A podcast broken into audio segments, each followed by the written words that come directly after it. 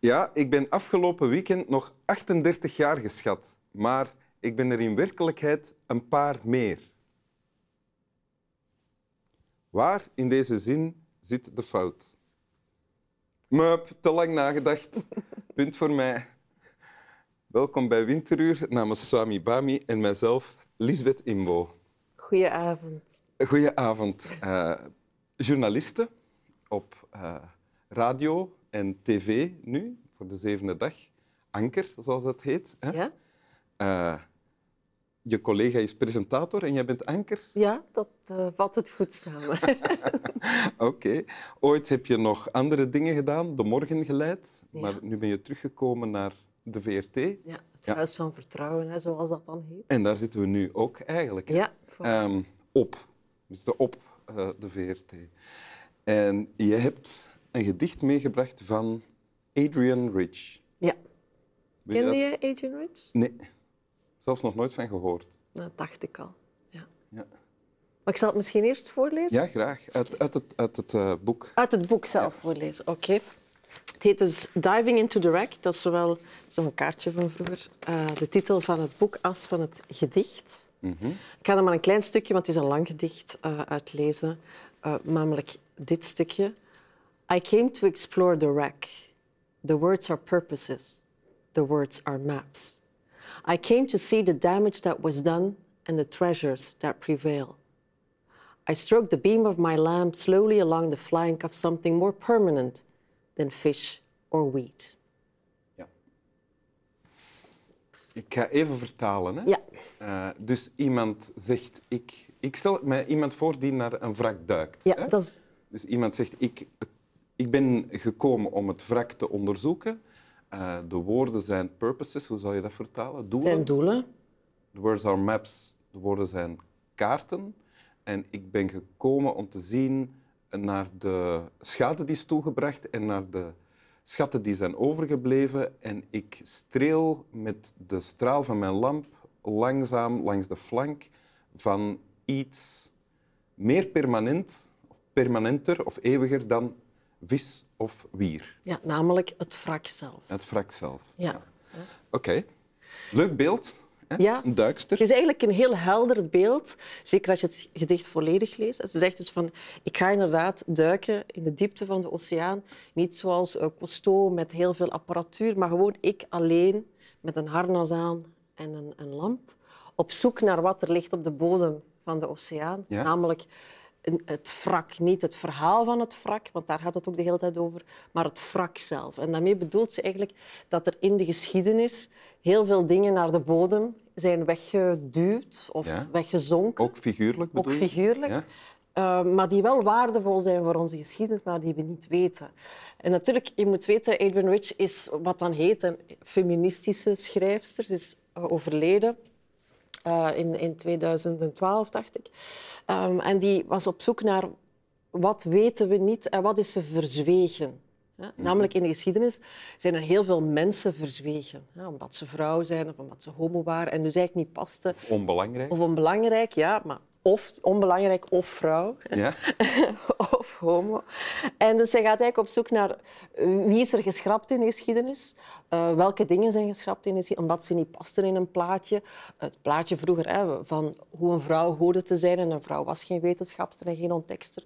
Hè, dus al dat soort dingen. En ze zegt dus van, je hebt de Book of Myths. En dat zijn dan eigenlijk op een bepaald moment de geschiedenisboeken waar een bepaalde versie van de geschiedenis wordt geschreven. We weten allemaal dat de waarheid altijd geschreven wordt hè, door de winnaars van het verhaal voor een groot stuk. En wie ligt eigenlijk op de bodem van de oceaan, maar is op zijn minst even waardevol. En met haar is dan de bedoeling om dat naar boven te brengen. En ze reduceert dat dus niet tot uh, vrouwen, wat heel vaak wordt gedacht, en bij haar ook heel vaak het, ge het gevolg is. Maar ze zegt heel duidelijk in het gedicht, I'm the mermaid, I'm the merman. Hè, de Dat zit ze verder in het gedicht. Ja, de, zee, de zeemeerman, zeg maar. Ik Ja. ben hem, ik ben haar. Mhm. Dus wij, wie zijn de figuren die allemaal zijn uh, vergeten geraakt? Ja. En dan... Want, oké, eh, als terug naar het beeld van het wrak. Hè? Eh, dat is een duidelijk beeld, wa- wat ze, wat ze gaat zoeken en heel nauwkeurig gaat onderzoeken.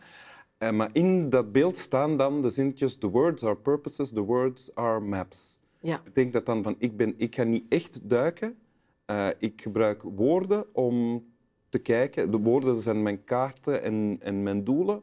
Dat is Ook, eigenlijk... ja, het is natuurlijk een en al symboliek. Maar wat dat mij vooral altijd heeft bijgebleven, zijn eigenlijk die drie zinnetjes. Dat zijn een soort mantra-zinnetjes die af en toe bij mij opduiken. I came to explore the wreck. The words are purposes, the words are maps. Dat is iets dat heel vaak in mijn hoofd schiet als ik met een onderwerp bezig ben. Ja? Of als ik met andere... Dat is Wat bedoel je, bedoel je als je iets aan, een gesprek aan het voorbereiden Ja, dat is iets dat heel vaak door mij heen uh, schuift, zonder dat ik dat bewust denk. Ik ga nu eens aan drie regels van Adrian Rich denken vandaag. Ja, ja, nee, snap. Maar the words are purposes, the words are maps. Ik vond dat toen al twee zinnen die zijn blijven plakken. En ik merk dat die vandaag... Toen al? Wat bedoel je met toen? Toen ik um, ook vijf jaar geleden uh, student was. Ah, oké. Okay. Um, en nu is dat eigenlijk nog altijd. Hè. Als ik merk hoe wij met taal omgaan en hoe vandaag taal zo beladen is geworden terug, dan denk ik altijd ook terug aan haar. De woorden zijn doelen, de woorden zijn kaarten. Kaarten van wie je bent of wie je bent geweest, wie je wil zijn, hoe je wil dat er gepraat wordt. Is taal nu meer beladen dan 15, 20 jaar geleden, toen je ook al journaliste was? Ik heb het gevoel voor mijzelf toch wel. Ik, ik merk dat ik heel vaak bewust word van uh, hoe ga ik dit zeggen, wat ga ik zeggen. En dat ik soms ook dingen daarom ook, omdat ik er niet zeker over ben, niet zeg of vermijd. Geef eens een voorbeeld. Uh, bijvoorbeeld, uh, onlangs deed ik een gesprek over um, de vertalingsproblematiek van uh, Nadine Gordimer, die eigenlijk in de traditie van Adrian Rich zit. Adrian Rich is Amerikaanse dichteres, je hebt Audre Lorde en dan heb je eigenlijk Nadine Gordimer. Dat is dezelfde traditie als je dat um, zou lezen. En, um... Alles wat je nu hebt gezegd, zei je op de toon van dit is een bijzin. ja, dus ze hebben het niet verstaan, maar het doet er ook niet toe, denk ik. Ja. Maar um, dat ik, en het ging over de vertaling van Marike Lucas Rijneveld. Ja? En Marike Lucas Rijneveld is non-binair, is zowel Marike als Lucas. Dat betekent dat je niet kan verwijzen naar, naar Marike Lucas, haar. naar hij of haar, maar naar hen en hun. Maar ik weet van mezelf dat dat iets is wat ik nog aan het leren ben, omdat ik zelf in mijn omgeving eigenlijk niemand non-binair tot mijn vriendenkring al kan rekenen. Um, en dus ik wist, van, de kans is groot dat ik daar ergens een fout... En dan zie je een fout ga je maken. Hè? Ja. En dus wat heb ik gedaan? Ik heb het hele gesprek gezegd, Marike Lucas Rijneveld. Marike Lucas Rijneveld. Terwijl ik moest het morgen gaan over Wim Helsen. Ik zou zeggen Wim Helsen, hij. Ja. En dat is, een, dat is een moment waarop ik merkte, en dat had ik 15 jaar geleden eigenlijk nog nooit zo bewust, Oké, maar ik mag geen fout maken. Terwijl ik denk, maar misschien maak ik, is fouten maakt... maken een deel van een leerproces ja, waar wat maakt dat je bang bent om fouten te maken dan? Omdat mijn ervaring is, en toch als ik ook rondom mij kijk, dat als je een fout maakt, je soms ook wordt gelijkgesteld aan fout zijn, een fout mens zijn. Terwijl mensen... Een slecht mens. Slecht mens zijn. Verdorven verdorven. Wat ik natuurlijk ben, maar ik probeer dat wel voor televisie toch te verbergen. Niemand mag het weten. Niemand mag het weten. Okay. ik zit op de bodem van de oceaan. En ik merk wel dat ik daar heel, heel bewust van word. Je ziet dat ook als, als je in een gesprek het hebt over uh, blank, dan krijg je op Twitter iedereen of diegene die zegt hey, je moet wit zeggen. Mhm. Maar zeg je wit, dan krijg je natuurlijk de andere kant. Of je... En dan zie je het al. Ik zeg de andere kant.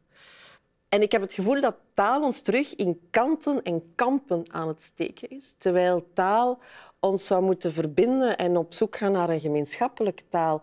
En woorden schrappen of, of woorden ontkennen is denk ik de, de, de, taal schuldig maken, maar de taal is niet schuldig. Ja. En taal evolueert toch. Ik weet dat mijn mama altijd zegt van uh, iemand zwart, dat was in mijn periode, mijn ouders, hè, van na met de ik weet wat oorlogen, Mijn mama zegt het zelf. Is, is gecollaboreerd en nu is iemand zwart. Een zwette iemand... of een zwarte, dat was iemand... Dat is heel negatief. Heel erg, en nu is dat niet meer negatief. En zo heb je woorden die vroeger positief zijn, die nu negatief zijn. Maar we moeten daar misschien ook een soort mildheid in krijgen. Ik heb soms het gevoel... Zeg je nu, we moeten mensen toestaan om fouten te maken? Ja, een mildheid te hebben. Ik heb soms het gevoel dat, dat we te veel gefocust zijn op welk woord heb je gebruikt, in plaats van wat wil je eigenlijk vertellen? Ja. Misschien gebruik ik een fout woord voor een goede boodschap. Ja. En is dat misschien toch nog altijd wat taal zou moeten doen, namelijk verbinden? En is het dan veel leuker dat jij zou zeggen... Oh, ik begrijp jou helemaal, ik ben het helemaal met jou eens, maar ik zou het veel fijner vinden mocht je volgende keer mij niet zo aanspreken. Ja. En dan gaat dat veel makkelijker gaan, veel warmer gaan dan, dan dat je dan meteen op iemand een label kleeft en die andere gaat dan in de verdediging en dan krijg je kampen. En ik vind dat taal dat te veel aan het worden is. Dat vind ik wel bijzonder ja. jammer. Een manier om dat te doen gebeuren is natuurlijk je er niks meer van aantrekken, laten gebeuren wat er gebeurt en dan zeggen, "Mo, mannetjes. Ja, dat, zou je, dat kan jij heel goed. Hè? Is dat zo? ah. Ik denk dat jij dat makkelijker los kan laten dan ik. Mm, Misschien. Nee? Maar ja, op zondagochtend slaap ik heel graag uit, dus ik zou dan weer niet geschikt zijn om jouw rol over te nemen. eh. Nee. Gesteld dat er al iemand was die dat zou Dat willen, doen. maar ja. niet het geval was. Eh, wil je het nog eens voorlezen? Absoluut.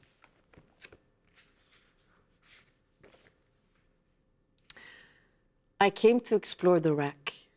The words are purposes, the words are maps. I came to see the damage that was done and the treasures that prevail.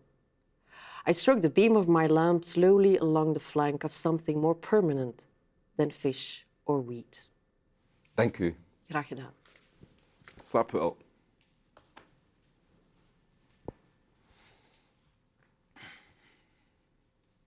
Ik heb een fout gemaakt. Hoezo? Ik denk dat ik fout ben. Het is, Nadine, het is niet Nadine Gordon, maar ik kan nu op haar familienaam niet komen. Het is eh, Amanda... Gore. Nee, is niet... Gorman. Amanda, de- van de inauguratie Ja, van eh, Biden.